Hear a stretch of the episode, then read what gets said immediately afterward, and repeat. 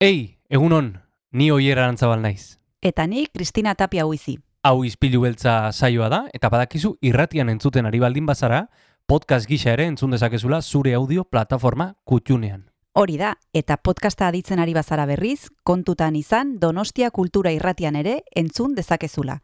FM eundazazpi puntu lau frekuentzian. Sare sozialetan ere topatuko gaituzu noski, izpilu beltza bilatuta, Instagram, Facebook eta Twitterren. Besterik gabe, guazen gaurko saioarekin. Az gaitezen,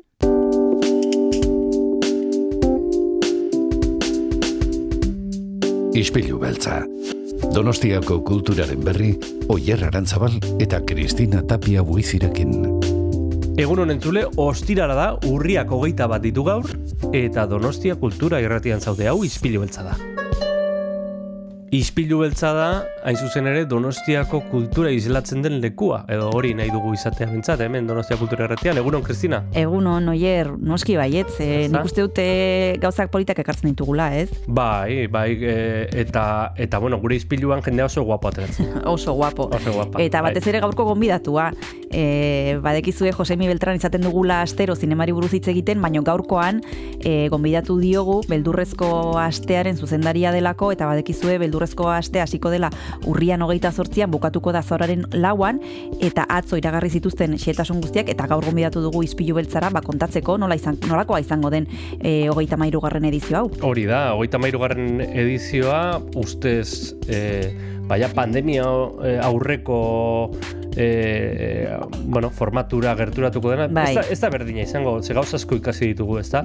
Baina, baina, bueno, seguru oso interesgarria torrela, eta gaur kontatuko digu Josemi Beltranek, gainera, Ruben Bidal ere izango dugu. Bai, badekizue ostiraletan literaturari buruz aritzen garela hemen izpilu beltzan, eta Ruben Bidal gonbidatu dugu komiki bat ekarriko du, gaurkoan aurrentzako komiki bat, baina berari ere asko gustatu zaio, iratxo txikia eta satranj partida, Álvaro Ortizek egindako liburua, eta nik uste dut konbentzituko gaituela e, helduok ere irakurtzeko. Bueno, Ruben Bidalek eh, beti egiten du komikien apologia, eta ondo egin ere, eta tira, gu ere batzen gara apologia horretara. Gaurko saioa, entzuten duzu entzule, oso interesgarria dator beraz jarrik askoak, eta guazen Jon Gartziaren musikarekin. Guazen.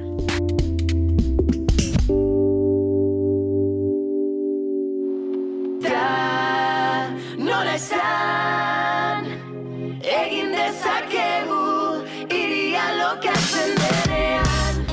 Egun honen entzule iritsi da ostirala eta gu oso pozik gaude. Horretarako abesti eder bat e, jarriko dizugu, dantza pixka bat egiteko. Zazpi bala izena du eta guda dantza taldeak Lide Hernando Lierreko abeslariarekin egindako kolaborazioa dugu beraz. Guatzen entzutera eta saioarekin astera. Zaren inguru usteletatik Deseroso sentitzen naiz ni Ezin dizut idatzi oraindik ez dut erantzun Ta zu guzti argi duzu Autoa eta pistola lortu dituzu Aukera ezin dugu galdu Mila baldintzen menpe bizi zara zu Zure beldurren esklabu Polizia atzetik badatorkigu Arren atzera Ez gara Yes.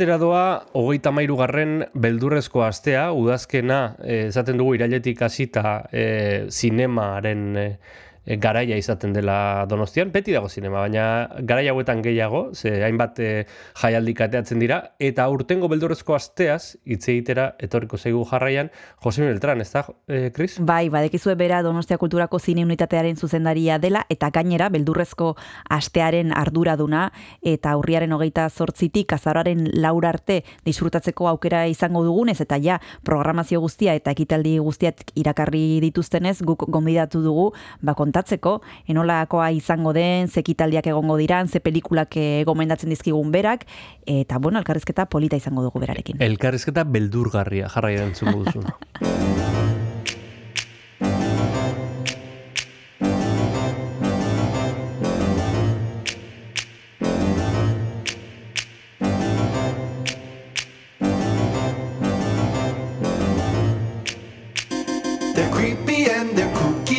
mysterious and spooky. They're all together ooky, the Adams family. Their house is a museum when people come to see them. They really are a scream, the Adams family. Neat, sweet, petite. So get a witch's shawl on, a broomstick you can crawl on. We're gonna pay a call on the Adams family.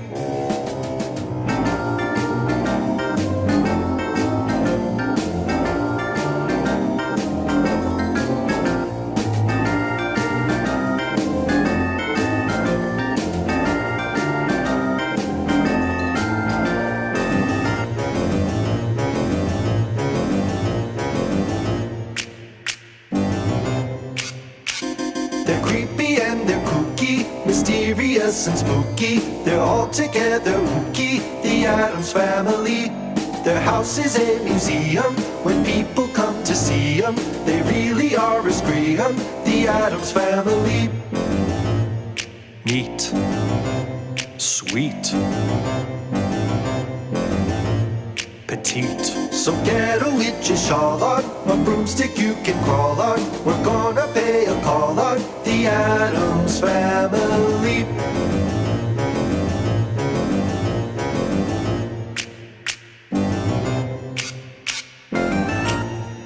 Gaur zinemari buruz hitz egingo dugu Donostia Kultura Irratian, ohikoa da gaia hemen gure txokoan. Eta astero izaten dugun gonbidatu bat izango dugu Josemi Beltran, kasu honetan Donostia Kulturako zine unitatearen zuzendaria delako. Eta gainera beldurrezko astearen arduraduna, aurten asteak hogeita mairu urte beteko ditu eta xetasun guztiak emango dizkigu berak, egunon Josemi zer moduz zaude? Kaixo, egunon, zer moduz.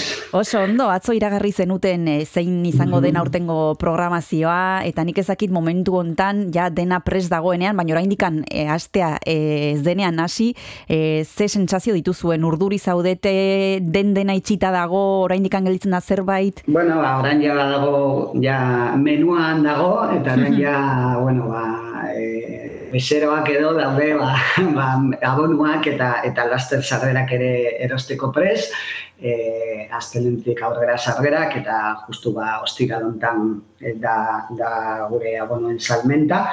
Baina, bueno, batez ere pozik, e, bueno, eduki, edukiengatik eta eta gure aurtengo filmen hautaketagatik. E, bueno, berriro bueltatzen gara, ba, zenbait ekitaldi egiteari, e, beraskuratu ditugu ba, kaleko giroa, beraskuratuko dugu lehenengo, lehenengo asteburuan, ordutegiak, e, bueno, ba, giro, giro gehiago antxoki, antxoki zaharraren barruan, eta bueno, ikuspuntu horretatik bagogoak nabaritzen ditugu Mhm. jendea, Mhm. jendearen gan, bai. Orain hasiko gara programari buruz hitz egiten, eh, Josemi, baino hori baino lehen gustatuko litzaidake jakitea ea euneko eun eh, programa duela hiru urtekoa izango den, duela hiru urtekoa noski ez, baino eh, struktura horrekin eta Mhm. pandemia behin eh, ematen du pasatzen ari garela, eh, gauza guztiak normaltasunera itzuli dira. Bai, bai, oro har, eh, agian, bueno, ba, detaile txiki batzuk edo ordutegi, ordutegiari begira, agian e, gaueko, gaueko ba, gau pasak ez dira hain, hain gau pasak izango, agian pizkal lehenago bukatuko dugu, e, e, banatu dugu gehiago e, ba, emanaldiak banatu ditugu, eta gainera ostiraletik ostiralea joango da sail ofizialera, ez larun batetik ostiralea, zer orduan, bueno, ba, egun gehiago dira, baina gian egun bakoitzean, ba, bueno, lasaitasun gehiago gozatzeko festivaleaz. hm? E, bestalde batetik bai e, berreskuratu dugu adibidez San Jeronimoko aretoa, kripta, erakusketa e, egiteko, hauten beste arrazoiengatik ez daukagu ezer kutsa kulturren eta bakalera, baina bueno, beste espazio batzuetan, adibidez itxas museoan ekitaldi bat izango dugu. Osea, bueno, agian galdu duguna be, e, berreskuratu deu edo edo lotu dugu, dugu beste leku batean egitea, osea, funtsez, bai, esan dezakegu, ba, bueno, antzekoa izango du. Bueno, guazen pelikulei buruz hitz egitera, e, nolakoa izango da urtengo beldurrezko astea, e, aipatu pelikula batzuk. Nik badakit ez zuentzat programatzaientzat oso zaila dela esatea hau, hau, hau, hau eta hau, baina bueno, e, badakigu mm, zein izango den e, zuen aukerak eta zuk e, zein azpimarratuko zenituzke. Ba, guretzat, eta hori esan behar da, oso garrantzitsua da berriro, ba, hemen euskal film batekin inauguratzea. Mm. E, beldurrezkoa, eta irati, hain zuzen ere, Bai. e, Paulo, Paulo Urkijoren, bueno, abegarren lana, Bai. izugarria, e, zitxezen, ba, arrakastatsua izan dena, e, mitologia, e, batez ere da amodiozko historia, esango nuke nik. E, amodioa, e, e, bueno, ba, mitologiarekin, amodioa pertsonaien artean, amodio hau bezalako film bat e, egiteko, e, ekoizpen eta maila altuko ba, filma da. Eta, bueno, guretzat hori, hori berriro Paul Urquijo eta hau, bueno, lan garrantzitsuago batekin, ba, gurekin, gurekin eukitzea.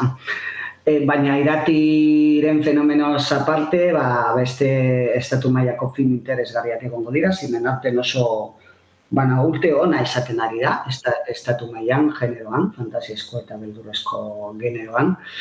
E, eta adibidez, e, viejos e, filma izango dugu, Sorion Egilio da la protagonista, e, Euskal protagonista, edo Venus, Ja- Jaume Balagueroren e, azkenengo, azkenengo lana, e, Unicorn Wars, beste Euskal ekoizpen bat, animaziozkoa, Helduentzako animazioa, e, oso oso divertigarria, umore beltza, e, u, e, bueno, ba, e, unikorneak e, hartzen kontra, e, bo- borroka eta guda krudel batean. E, eta ba, baita ere bukatzeko ba, estatu mailako ekoizpen hauekin e, dokumentala, e, dokumental bat, rek, e, rek sagaren, sagari buruzko dokumentala, e, ba, bueno, azkenengo, azkenengo egunean. E, Horretaz aparte, ba, estatu mailan izango ditugu ba, zenbait e, film labur oso interesgarriak, euskal film laburrak baita, desente, e, daude e, gure aurtengo hautaketan. Mhm. Bueno, ba, oraintxe bertan jarraituko dugu pelikulen inguruan hitz egiten eta beldurrezko astearen o, e, inguruan hitz egiten oroar, baina tarte bat hartu behar dugu eta horretarako badekizu Josemi abestu, abesti bat eskatu behar dizu dala, nik ez dakit ze pentsatu duzun tarte hontarako ze partekatu dezakegun entzulekin. Bueno, ba, aurten e, e, kanibalismoa edo, arabi jalen mundua da lelo bat, edo leitmotiv bat, gure, gure festivalean. Eta horregatik, ba, aukeratu dut e, kanibal holocaust edo holokausto kanibal filmaren soinu bandar, biz ortolani italiako bueno, ba, komposatzaileak sortu zuen, eta ia ematen du amodiozko film bat, baina ez da kanibalismoen filma, eta kanibal holokausten ba, e, ba, abesti printzipala edo nagusia. Oso ondo guazen entzutera.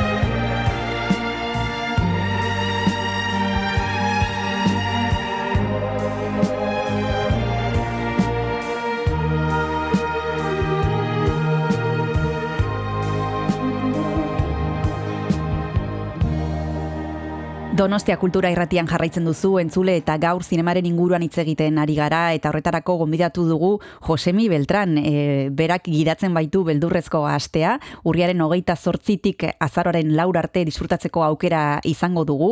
Hogeita irugarren edizioa izango da aurtengoa normaltasunera itzultzen den edizioa eta aipatu dituzu hainbat e, pelikula besteak beste Paul Urkijoren irati Josemi baina gainera pelikulez gain urtero bezala beste ekitaldi batzuk ere izango dituzue aipatu dituzu lehen e, batzuk, e, ba, bueno, erakusketak, beldurrola, e, beste lekuetara eta beste espazio batzuetara joango zarete aurten. Kontatu pixka bat zein izango diren ekitaldi horiek? Bueno, gure erakusketa nagusiena, e, e, Gipuzkoako aldundiak eta Koldo Mitxelenak antolatuta, aspaldi dago irekita, Bai.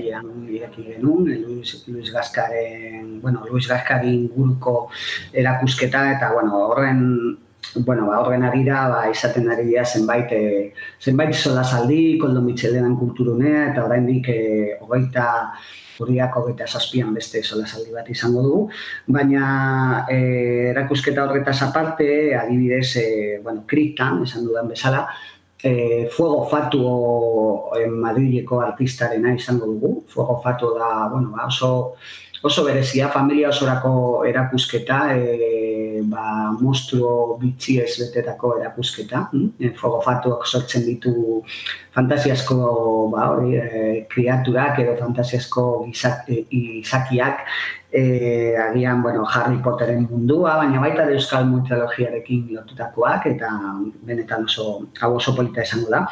E, San Jerónimo, bestalde alderdi ederren liburutegi nagusian Arantxa Zestaio, komikigilea eta ilustratzailea izango da gure gure aurtengo protagonista baita, mm? bere bueno, ba, azkenengo azkenengo lanak i, i, izango ditugu e, ikusgai e, liburutegi nagusian eta adibidez e, lehenengo larun batean e, bueno, ba, kaleko giroa bereskuratzeko eh, aurtengo proposamena da aso kanibal, eh? eh ba, izen hori jarri diogu ba, parte hartzeko ekitaldi bati, eh, ba, tailerrekin, eh, makillaje tailerrekin, eh, antxerki kaleko, kaleko ikuskizun ba, eh, ekin, eta horrelako horrelako beste sorpresa batzuk eta susteko batzuk, ba, bueno, ba, e, lehenengo larun batean, ba, giro, giro hori sartzeko bulebareko kiosko, ki- kioskoaren e, e, inguruan. Mhm.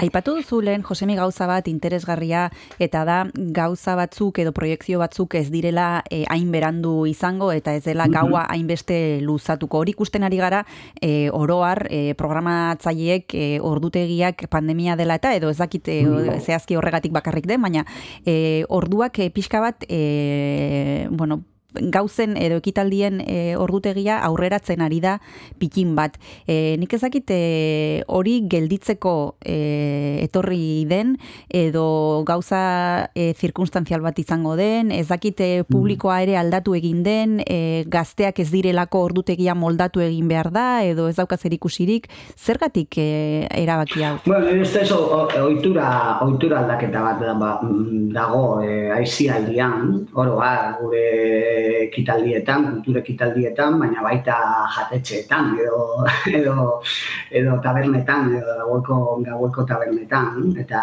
bueno, ez dakit hori ona edo txarra den, baina baina uste dut ja dela etorkizuna eta ez dela bueno, orango kontu bat bakarrik, eh? Agian bai, pandemiak lagundu e, lagundu du edo eragina izan du horretan, baina baina nire ustez, bueno, hori nabaritzen da eta eta ziurazki nago oso bueno, zuek zuen etxeetan ere nabaritzen duzuela eta ez dakit hori, bueno, europarragoak e, egingo gaitu ala, ala aspergarriagoak, baina baina uste dut bai joera dela eta eta bueno, ba, ba, adi, adi egon, egon behar dugula. guk. Mhm. Bueno, aipatu behar dugu baita ere gazteen epaimaia, e, e, hor badago, e, badago e, talde bat e, ba, parte hartzen duena modu honetan, eta nik jakin nahiko nuke, Josemi, e, zein den e, beldurrezko astearen publikoaren ezaugarri nagusia, zein adinetakoak dira, e, zein generet, generetakoak, em, aldatzen ari da hori ere, Mhm. Bueno, nik desberdin, desberdinduko nuke agian, bueno, abonatuak, Bai. eh, abonatuak dira, ba, bueno, ba, bere abonua erosten, erosten dutene, dutenak, e, bueno, ba, festival osoa osatzeko, e, eta, bueno, agian horretan, tarte horretan, edo, bai, e, bueno, ba, daude, jende agian helduagoa eta badara matxate batzuk, e, ba, bueno, urte asko, ni baino gehiago festivalean edo, edo eldurozko astean, ikusle gisa, e, eta bueno, oso ba, sale amorratuak dira, e, bai, bai generarekin eta baita ere gure gure festivalarekin. E, orduan, eta askotan e, badago jendea e, bakarrik behin etortzen dena antzoki zaharrera e, urtean zehar eta da, bakarrik soilik beldurezko astean. E, hori hori e, bueno, detektatuta esaten dugu.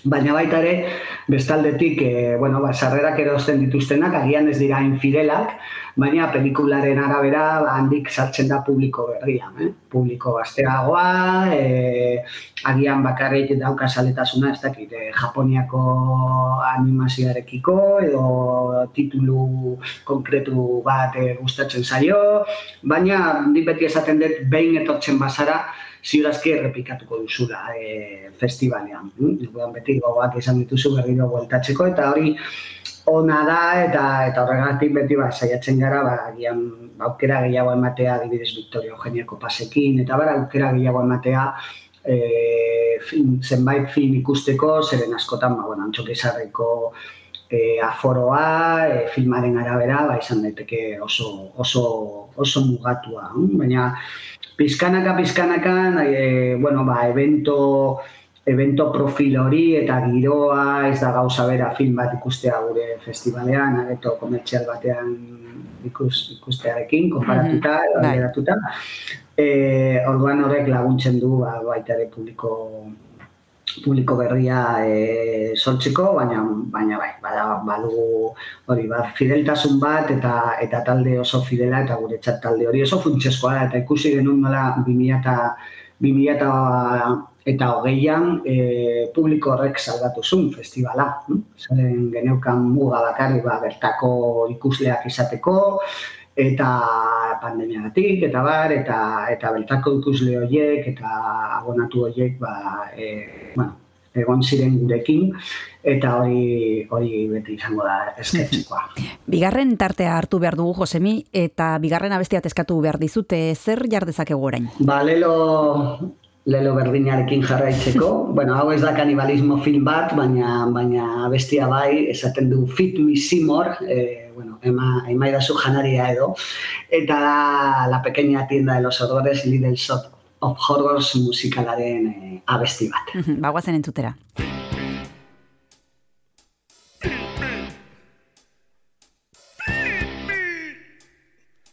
Feed me Seymour. Me all night long. That's right, boy. You can do it. Feed me Seymour. Feed me all night long. Cause if you feed me Seymour, I can grow up big and strong. Would you like a Cadillac car on a gas shot on jackpot? How about a date with Hedy Lamar? You're gonna get it if you want it, baby. How would you like to be a big wheel, dining out for every meal? I'm the man to make it all real. You're gonna get it. Hey, I'm your genie. I'm your friend. I'm your willing slave. Take a chance, feed me in. Know the kind of eats, the kind of red hot treats, the kind of sticky licky sweets I crave. Wow! Come on, Simo, don't be a putz. Trust me, and your life will surely rock a key touch. Sure, little Michigan boy, work up some guts and you get it.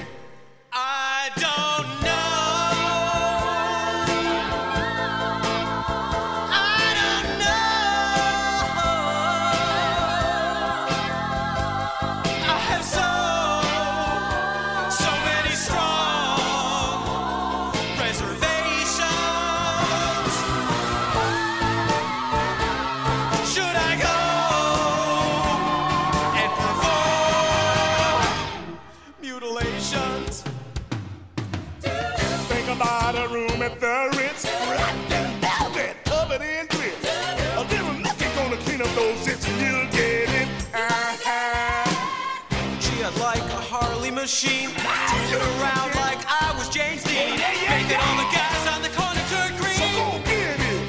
Woo, woo, woo. If you wanna be profound, if you really got to justify.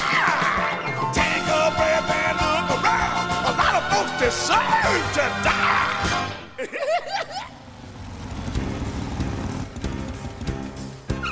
Stupid woman! Christ, what a friggin' scatterbrain! Falls off the motorcycle!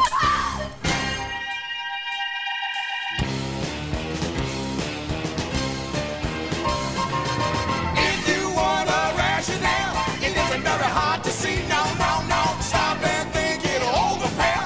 The guy sure looks like plant food to me. The guy sure looks like plant food to me. The guy sure looks like plant food to me. He's so nasty, treating her rough. smacking her around and always talking so tough. You I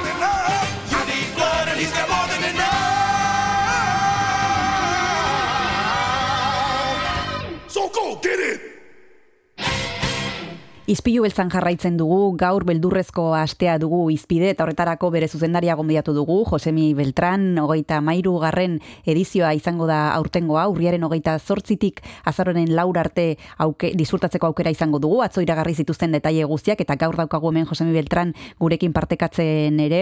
E, beldurrezko astearen beste momentu garrantzitsu bat izaten da kartela iragartzen duzuenean, e, Josemi. E, aurtengo kartela e, Makarena Gomezek e, e, egi, bueno, berak parte hartu du eta gustatuko litzaigake kontatzea e, pixka bat e, zer ikusiko dugun e, irudi honetan eta zein den bere ezaugarri nagusiena. Bueno, aurten gainera be- beti aukeratzen dugu protagonista bat, aktore o zuzendari Bai. da bar, lo, eh, bueno, ba, lo, eh, lotuta gure gure festivalarekin, kasu honetan Macarena Gomez ba ba askotan lan, egin du beldurezko eta fantasiaren eh, generoan, ba bere eskenengo lan adibidez da Ales de la Iglesiaren telesaia, 30 monedas edo. E, baina aurten erabaki genuen ba, bera gertzea ez argazki batean, baizik eta ilustra, ilustrazio batean. Eta horretarako Carlos Fernández, Madrileko e, ilustrarie txaile batek, ba, sortu du bueno, irudi surrealista hau, eh? E, baina bueno, e, nabaritzen da eta e, bueno, argi ikusten da Macarena Gomez dela, baina e, bihurtu du Macarena ba, sorgin, e, ez dakit, e, kriatura gaueko, gaueko gizaki bat izan daiteke, eta bueno, armi arma bat e, eta ilargia baita geltzen dira eta bueno, armi arma gure bueno, festivalaren bueno, maskota esan Bai, daiteke. bai. E, gainera, bueno, alteu parte galeri, galeriarekin sortu dugu, e, kartela baita, beraiek eh, lagundu, lagundu digute, eta, bueno, bera oso posit dago, eta, eta ziurazki, bueno, bizitatuko du festivala e, bukatu baino lehen, itxiera baino lehen e, Makarena Gomez de bera. Hori izango da bukatzeko, baina bukatu baino lehen Josemi gustatuko litzegake jakitea e, hogeita amairu garren edizioa izango da urtengoa, ez da gutxi, e, zein da irauteko sekretua? Zen ezaugarri ditu jaialdi honek, e, ba, esan dezun bezala, fidel mantentzen du publiko bat, e, bueno, badago komunikate, komunitate bat e, e, bere inguruan, eta nik ez dakit ze- zein den hori horrela izateko sekretua. Mm. Bueno, baita publikoa handago, aipatu dudan bezala, e, 2008an publikora gabe, ba, ba, bueno, e, ezin festivala egin, baina, baina bestaldetik egia da beldurezko, beldu- beldurezko filmak e, modan daudela, eta ez bakarrik modan, e, bueno, ba, kalitatea, e, anistasuna, e, eta, bueno, bueno era, e, erakartzeko erakartzeko indarra han daude eta bueno, ikusten da sinema komertzialean, Mm, eh? bai. ikusten da eh, bueno, pantailetan nola azkenengo hilabetetan, ba beldurrezko filmek eh, kristona eh, arrakasta izan dute.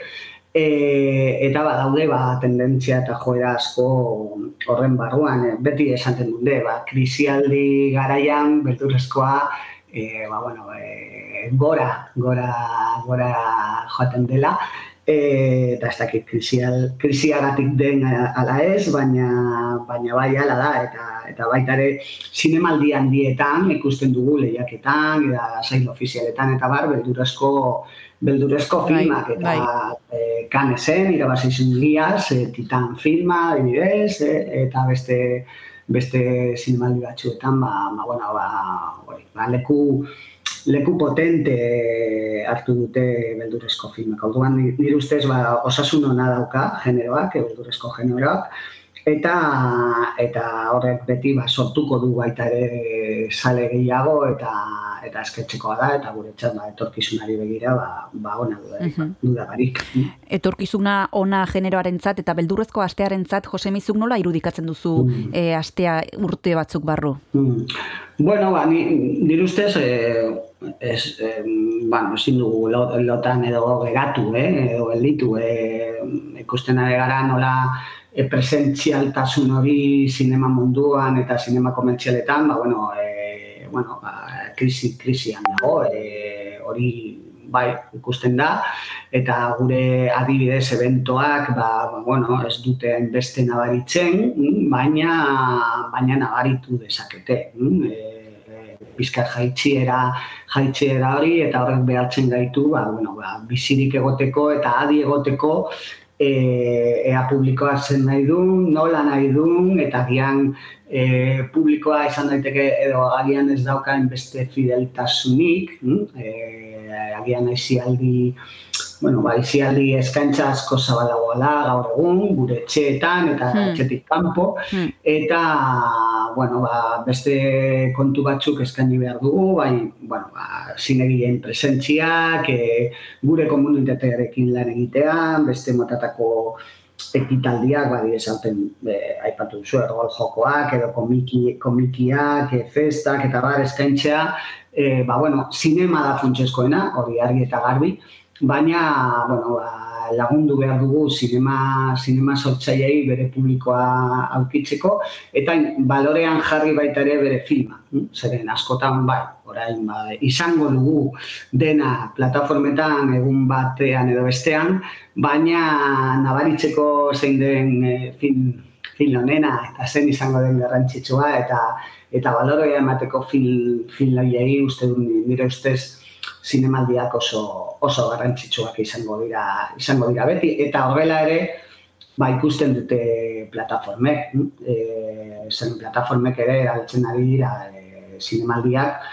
Eh, ba, bueno, bere aurre estreinaldiak egiteko, hm? telesailak edo film, film luzeak edo, baina baita ere behar dute erakuslei hori, algoritmoaz aparte, eh, ba, bueno, eh, balorea emateko eh, produktu honei. bueno, ikusiko dugu zer mm, ze ibilbide egiten duen e, beldurrezko asteak. Egunotan e, lanez gainezka ibiliko zara eta zuk disfrutatuko duzu astea, ba, zuzendari gisa, baino e, zuzendari ez bazina izango, e, Josemi zein izango leitzateke zure plana beldurrezko astean, zer ingo zenuke? bueno, niri zinemaldiak gustatzen zaizkit, eh, batez ere jendearekin egoteko, hori beti esaten dut, eh, bueno, atortzen diren eh, gonbidatuekin egoteko, edo solasaldi batera joatea, topaketa ba- batera joateka, joatea entzuteko ba, ba, etortzen diren gonbidatuei, baina bestela, guai, egongo ginateke eserita, gustatuko litzaideke eserita egotea, eh, gutxienez eh, film bat edo, agian bi ikusi egunean zehar, baina ni astean zehar, eh, bueno, ba, ba ez daukat astirik denbora gehiegi egoteko eserita e, areto barruan, ba, saiatzen naiz, bueno, bat arteka, ba, jendearen iruzkinak eta giroa ikusteko gustatzen zait arteka sartzea e, areto, areto, aretoetan, baina bai, horretarako lasai egon behar eta ez da esango nire kasko. Bueno, entzuleek bai daukate aukera lasai egoteko beldurrezko astean, hogeita garren edizioa izango da urtengoa esan bezala, urriaren hogeita zortzitik azauraren laur arte disfrutatzeko aukera izango dugu. Eskerrik asko, Josemi Beltran izpilu beltzara urbiltzeagatik, besarkada bat eta hurrengor arte. Zuei, mi esker beti.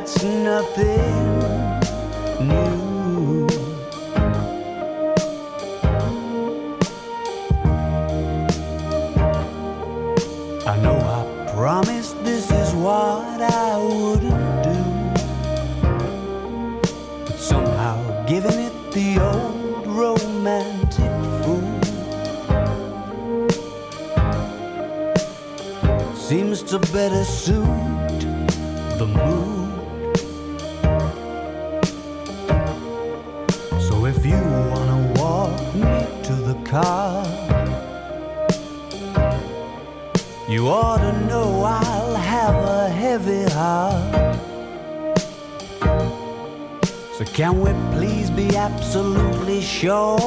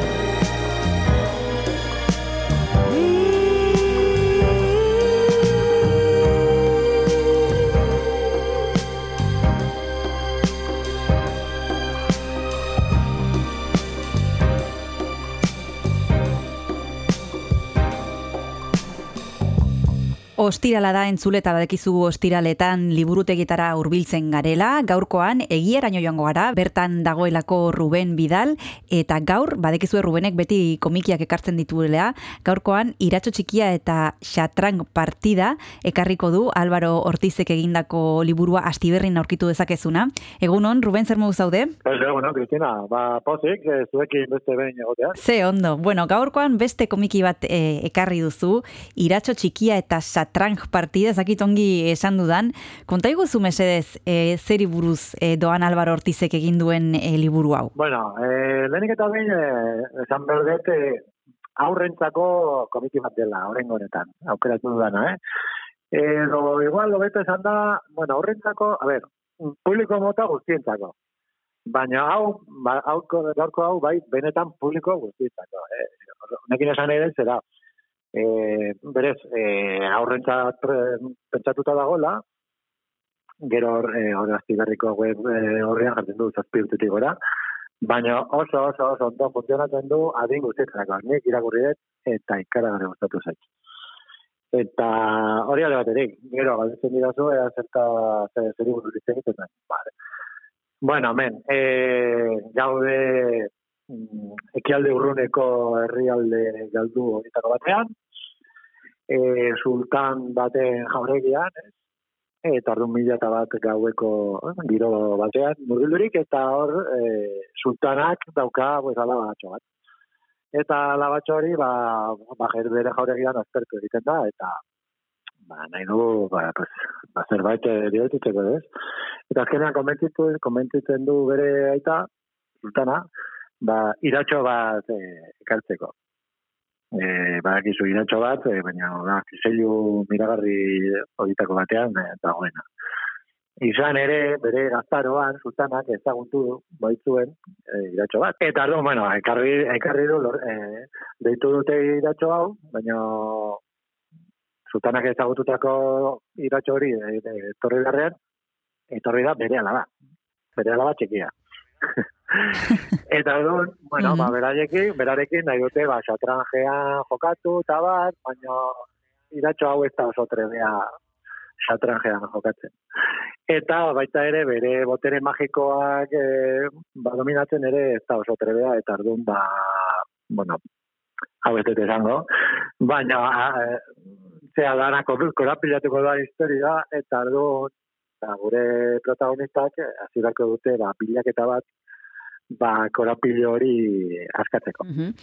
Eta horreño irakorreka dut. Bueno, guazen esplikatzera, azteko zer den xatranja, e, Ruben. Ze aipatu duzu pare bat aldiz, eta izan ere izenburuan agertzen da, baino seguruen nik, e, nik ez dakidalako ere e, zer den, e, guazen e, hori kontatzera. Bai.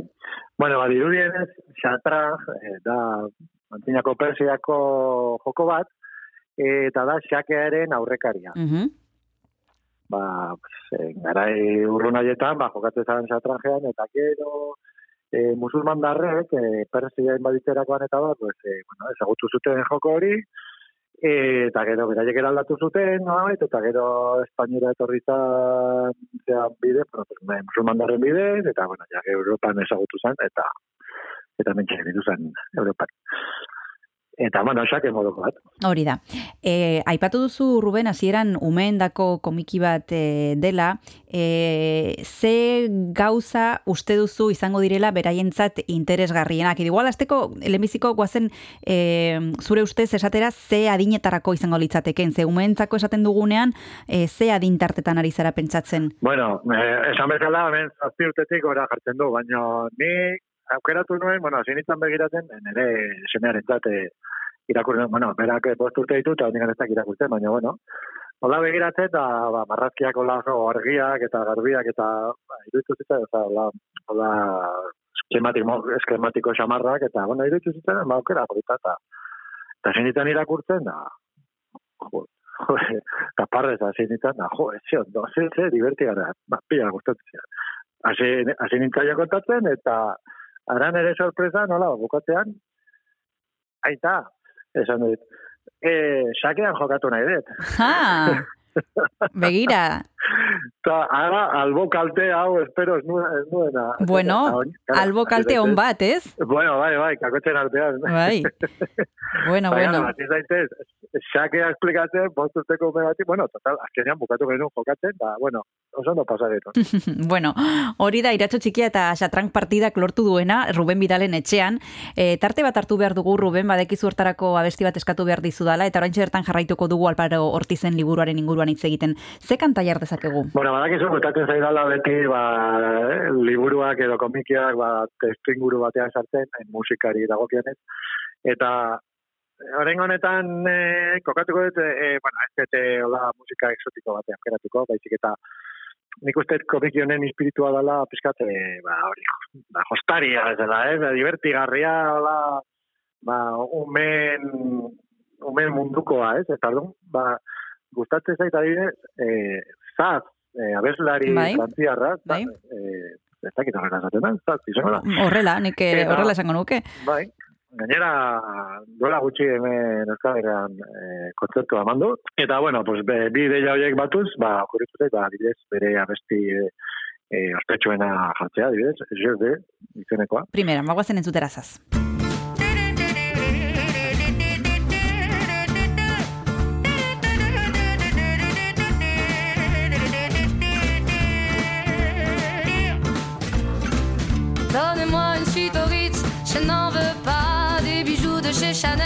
Je n'en veux pas donnez-moi une limousine, j'en ferai quoi?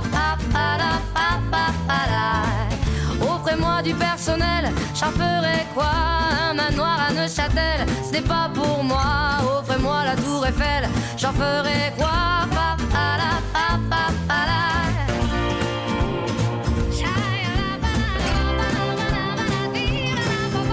Je veux de l'amour, de la joie, de la bonne humeur. N'est pas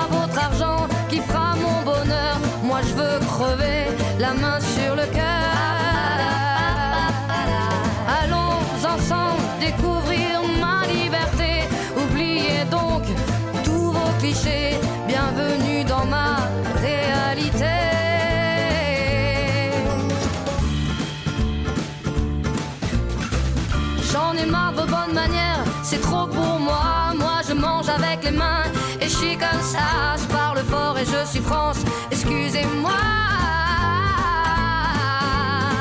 Fini l'hypocrisie, moi,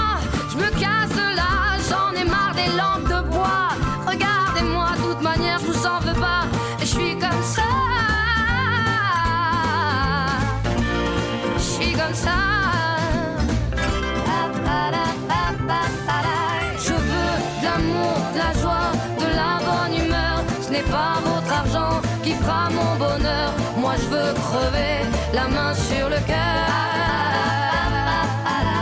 Allons ensemble découvrir ma liberté. Oubliez donc tous vos clichés.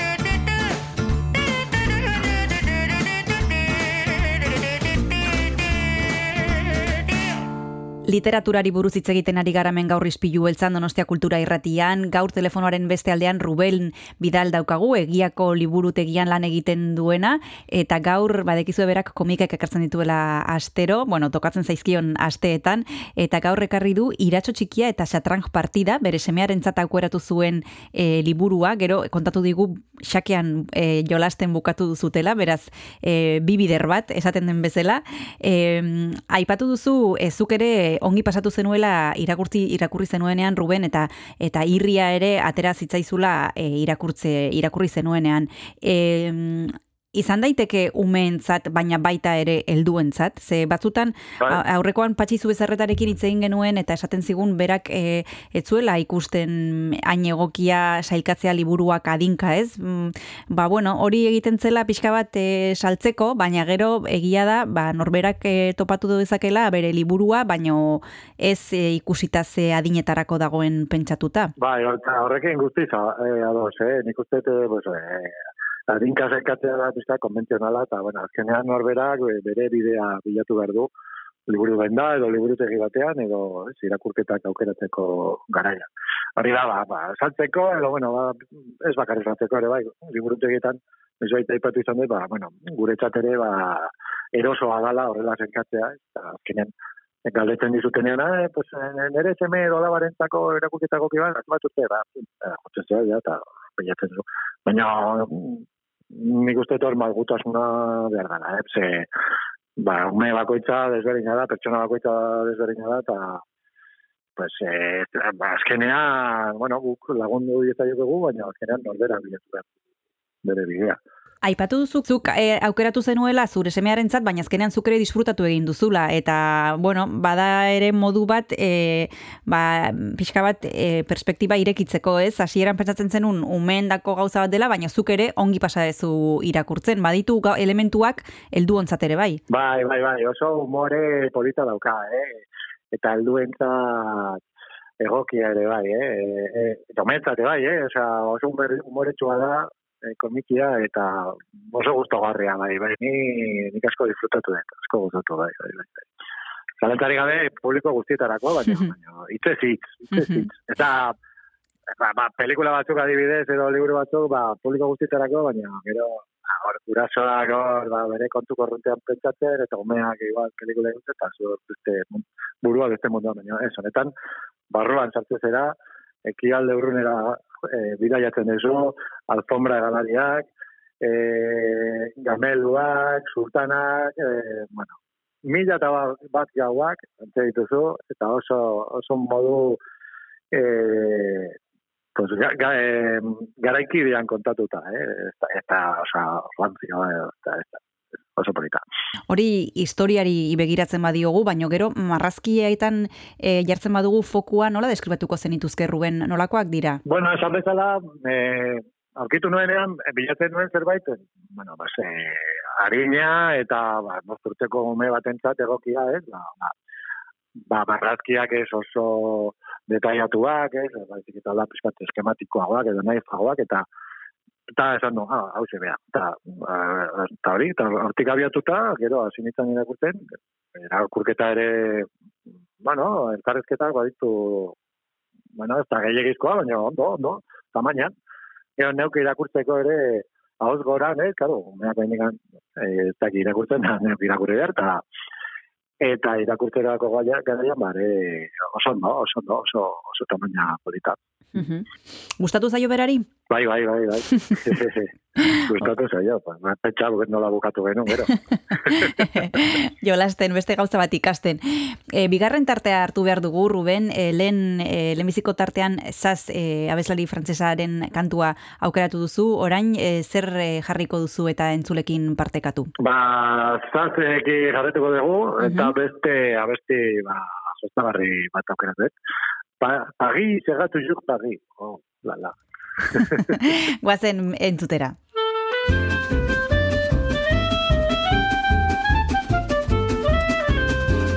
précaution, on a beau mettre des croisillons à nos fenêtres, passer au bleu nos devantures et jusqu'aux pneus de nos voitures, désentoiler tous nos musées, chambouler les Champs-Élysées, emmailloter de terre battue toutes les beautés de nos statues, voler le soir, les réverbères, plonger dans le noir la ville lumière. Paris la plus belle ville du monde, malgré l'obscurité profonde. Son éclat ne peut être assombri. Paris sera toujours Paris. Plus on réduit son éclairage, plus on va briller son courage, sa bonne humeur et son esprit. Paris sera toujours Paris. Pour qu'à ce bruit, chacun s'entraîne. On peut la nuit jouer de la sirène et nous contraindre à faire le zouave en pyjama dans notre cave. On aura beau par des ukases, nous couper le veau et même le jazz, nous imposer le masque à gaz, les mots croisés à quatre cases, nous obliger dans nos demeures à nous coucher tous à 11 heures. Paris sera toujours Paris, la plus belle ville du monde, malgré l'obscurité profonde. Son éclat ne peut être ah, il sera toujours pareil. Plus on réduit son éclairage, plus on voit briller son courage, sa bonne humeur et son esprit. Bah, il sera toujours pareil.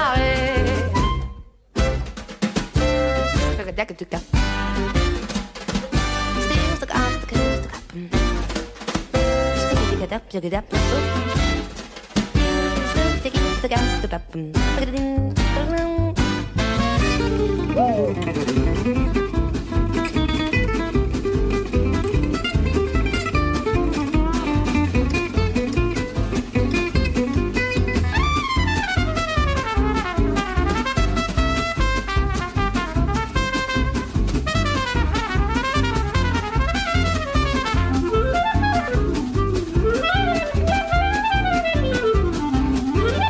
Que ma foi, depuis octobre, les robes soient beaucoup plus sobres. Qu'il y ait moins de fleurs et moins d'aigrettes, que les couleurs soient plus discrètes. Bien qu'au gala, on élimine les chinchillas et les germines. Que les bijoux pleins de décence brillent surtout par leur absence. Que la beauté soit mon voyant, moins effrontée, moins flottante.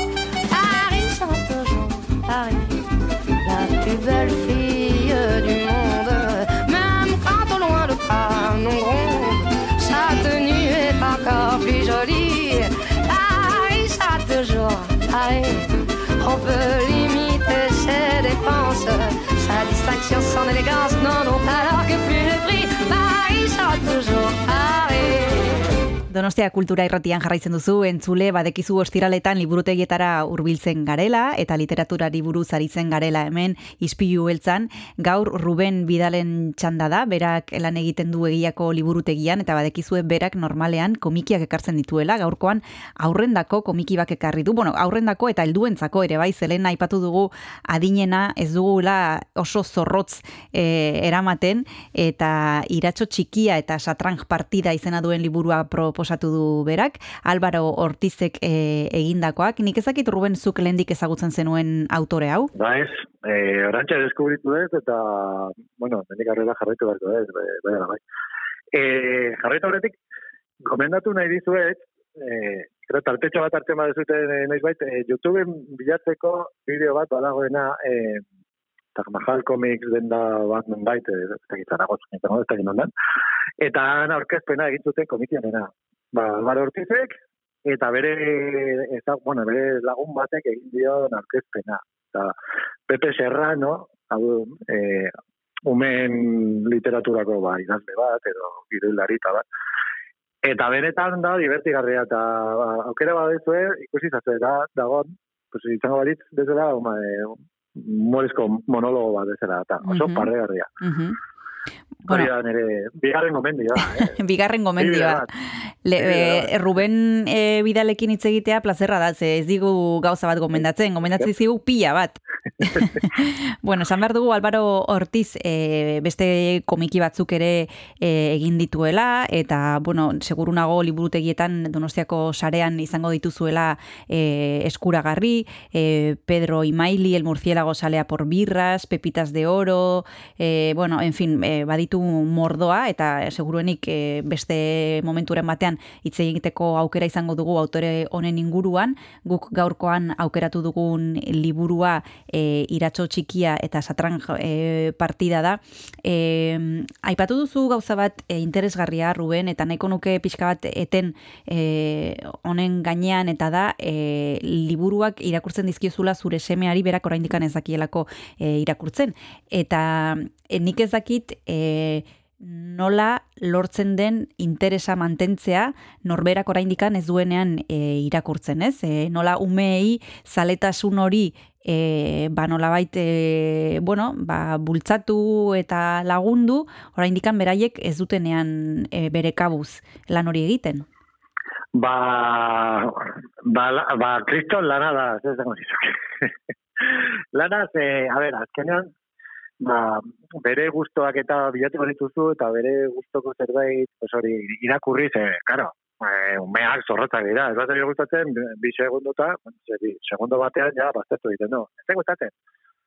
Vale, pardon, ba, ba hor dago, hor bidai sentimental afektibo, ba, oso interesgarria, eta gainera, eh, gustatzen zait, eh, lan hau jartzen ba, nola baite zure semea ezagutzeko modu bat da, dala, ere, bai, irakurketa, ez? E, zuk ekartzen ditu, ekartzen dizkia liburu egitik, nire gustoko liburuak, berari irakurtzeko, baina, claro, berak aukeratzen du, azkenean, ez, hau ez, hau bai, azkenean, bueno, orain futbolakin dago tope, eta baina, haike adibidez, bai irakurtzen futboleroak. Baina eske, futboleroak amarru urteko entako irakurketa da. Baina berak nahi du futboleroak. Eta hortik eketzea zaila da. Eta bueno, hau sartu nion, ez dakit nola, eta gustatu zitzaidan. Mhm. E, Hau guztiz beste- zure, zure iritziz, baita ere, e, gu- bai, guraso bezala eta baita liburutzain bezala, zure iritziz, em, eman aldiogu e, bere adinendako ez den zerbait, a, zuk aipatu duzu kasu hontan e, badagoela liburu bat amarra urteko entzat pentsatuta, baina zure semeak e, e, bostekin nahi duela e, ematen diogu, ez da? Ba, bai, eh, nik hasieran egia esateko zalantzak nituen, esaten no, joder, claro. Futboleroak, pues hori, urtentzako, eta, bueno, saltzen duela pizka, pues, eh, ba, maitasuna, eta musua, lehen, lehenbiziko musuak, eta gara, eta joder, batik kontatu behar niko. Eta ja, alkereak esan, ala, berdin zait, venga, total, ez da oso berdea, eta, bueno. eta, dizu, bueno, pues, igual, ta, eh, tarte horiek, eh, zaizkiola gehiago gustatzen, pero ez tido kasi egiten. Eta gehiago gustatzen zaio, pues, eh, futboleko kontuak eta eta aventurak ere, bueno, aventura pila da, eh, futboleroen artean. Eta, orduan, bueno, pues, eh, hasieran, pues, eh, zensura hori alde batera utzi, eta, osea, Venga, guazen aurrean, bera gustatzen zaio, ja, tanto ba, liburu irakurri ditugu, onena, eh, futbolerena. Azkenean da, folletin bat betela, ez? Eh, aventura bat bestea dakar, eta, Eta komiki klasikoek badute eren arrakasta e, liburutegian, Ruben, bari naiz pentsatzen ba, denok buruan ditugunak, Super López, Asterix Obeliz, Tintin, e, gaztetxoek irakurtzen dituzte gaur egun? Ba, bai, berde, bai. Hmm. Orain eh, oso boladan dago manga, baina ikaragarrizko moda. Baina Asterix, eh, Tintin eta Mortadelo eta hauek ez dute. Eh, Ez dute barkatzen, bai. Bet- Beti eramaten dituzte, bai. Bueno, ba, jarraituko dugu komiki gintzari buruz hitz egiten eta literaturari buruz hitz egiten hemen astero-astero egiten dugun bezala, besteak beste Ruben Bidalekin. Eskerrik asko gaur iratxo txikia eta satrang partida ekartzeagatik, e, badakizue Donostiako liburutegien sarean daukazuela, Albaro Ortizen e, lan hau, astiberrin argitarat- argitaratutakoa, eta besterik gabe, urrengor arte, eta mila mila esker Ruben, Ba, zuei, eh, ba, plazera izan da, beti ez dela. agur, eskerrik asko. Agur, agur.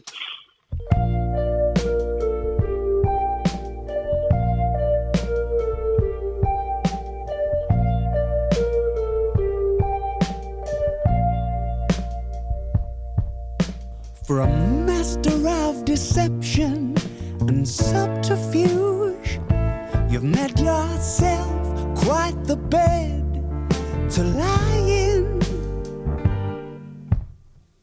Do your time traveling you don't let the sun catch you crying.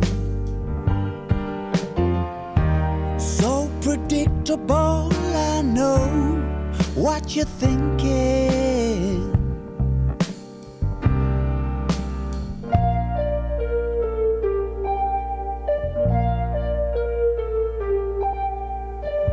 My teeth are beating and my knees are weak. As if there's something up with the wiring. Come poke your head behind the mountain peak. Don't have to mean that you've gone into hiding. So predictable, I know what you're thinking.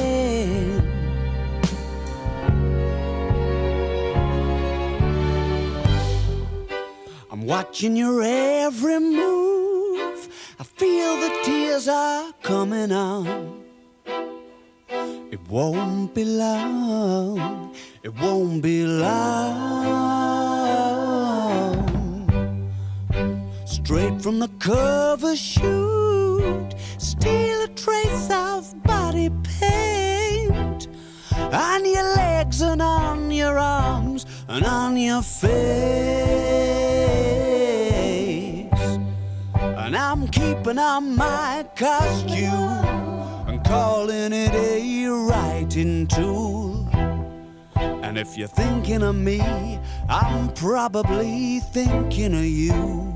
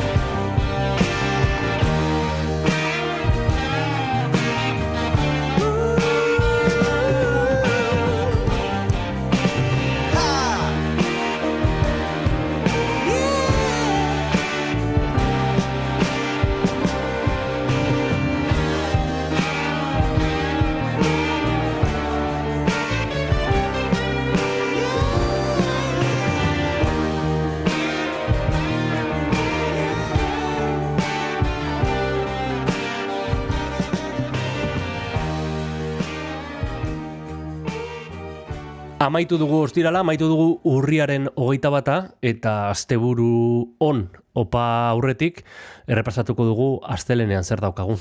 Astelenean badekizue e, Mikel Iturria gonbidatzen dugula agenda e, zabaltzeko eta agendaren berri emateko kultur periskopioan eta gainera e, berrikuntzaren asteari buruz hitz egingo dugu Manes Urruzolarekin iaz izan genuen hemen Ispilu beltzan ekitaldi polita e, izan zen eta uste dut aurtengoa ere ederra izango dela eta Manesek emango izkibu xetasun guztiak astelenean. Astelenean izango da hori guztia, gogoratu entzule astelenetik ostialera kult Donostiako kulturaren berri izan nahi balin baduzu, izpilu beltzarekin konektatu dezakezula. Eta horretarako, hainbat modu daudela. Batetik, Donostia Kultura irratiana e, sintonizatzea, FM undazazpi.lau frekuentzian, eta bestetik, ba, edo zein audio plataformatan izpilu beltza bilatu, eta arpidetzea. Eta noski eskertuko dizugu lagun artean, eta etxaien artean ere, zabaltzen balin baduzu. Hori da, bitartean, asteburuan eta zaren arte. Agur, agur, agur. Agur.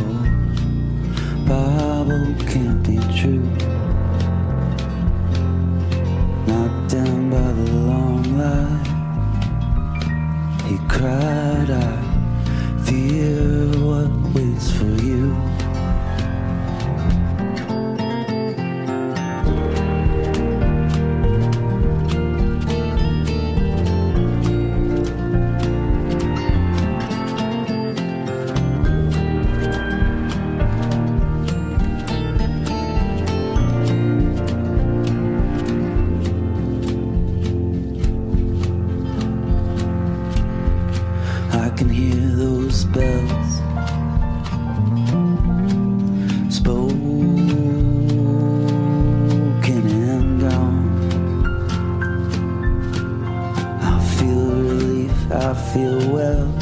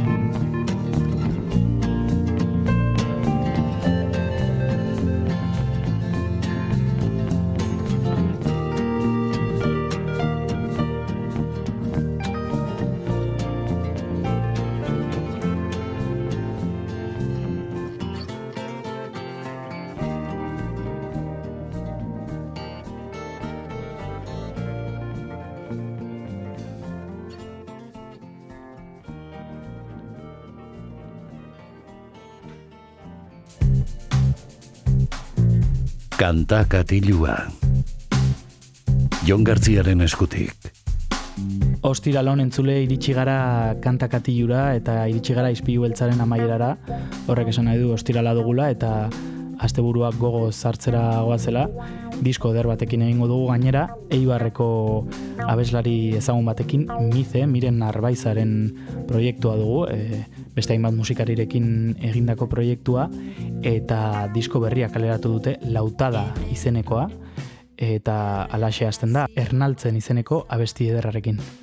Espazioa eta denbora argiago ikusten dira.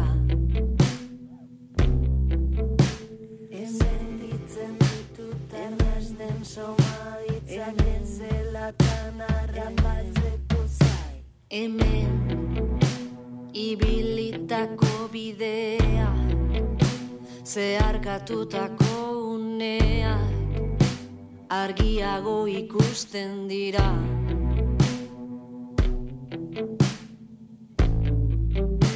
Hemen gogoan nahi beste luza filamentu arteko utxa errez beteko zenuke.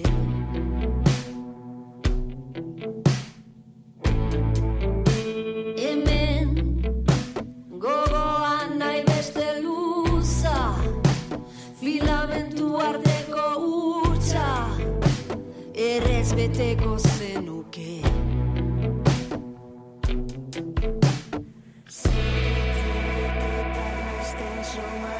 Zelatan harrapatzeko zai Sentitzen ditut arrasten somaitzak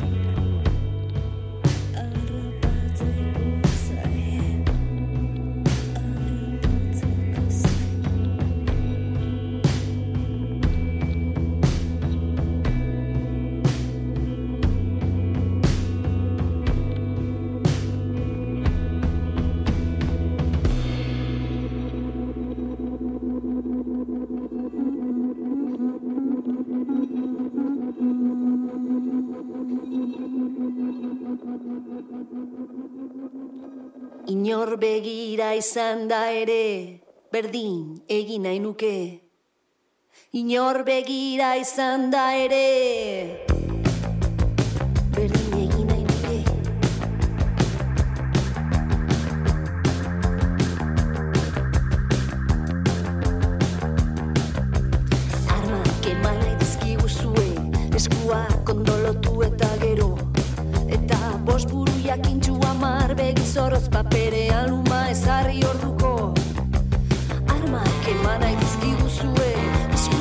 ondo lotu eta gero. Eta bost buru jakintxua marbe gizorroz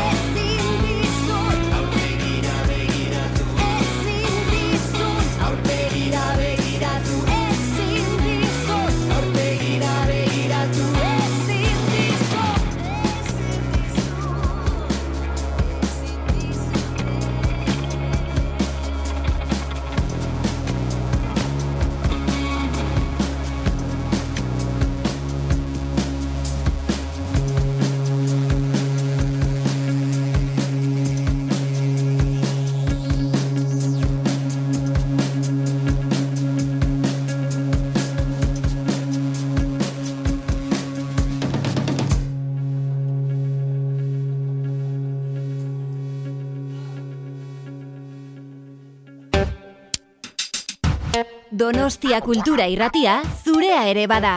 Zatoz eta parte hartu.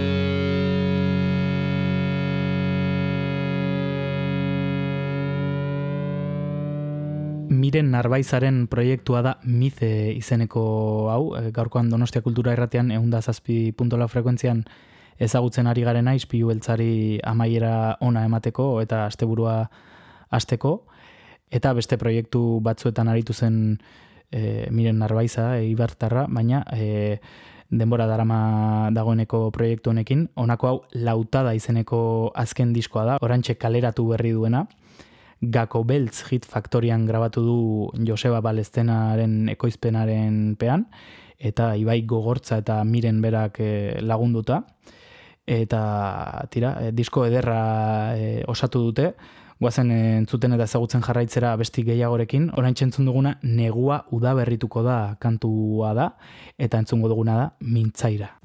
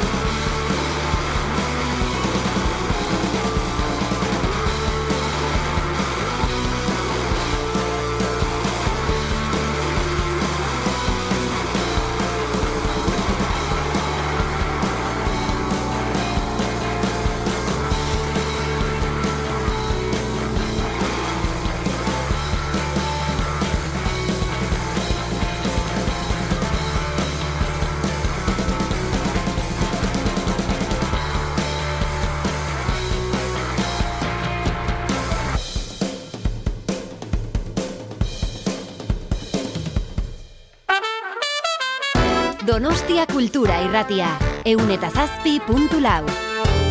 Ondotik pasatzean mugitzen duzun airea. Etenik gabe joan etorrian marea. Berezkoa duzunean dotore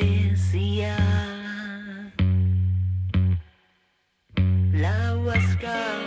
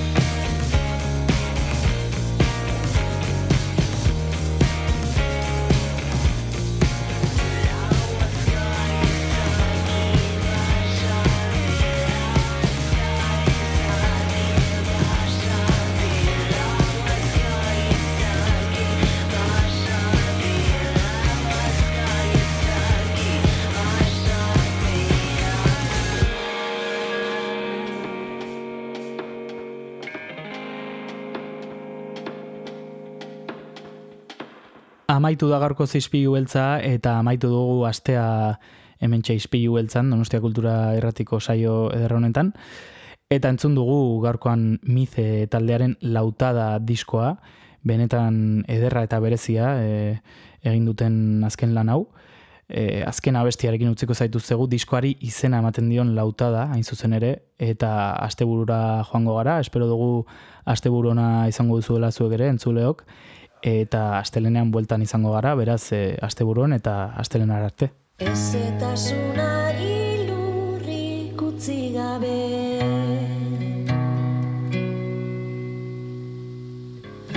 Gura bat egin dute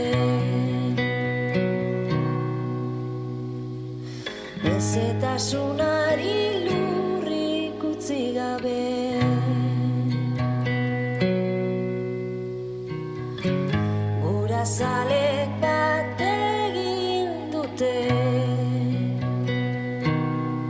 lauta da.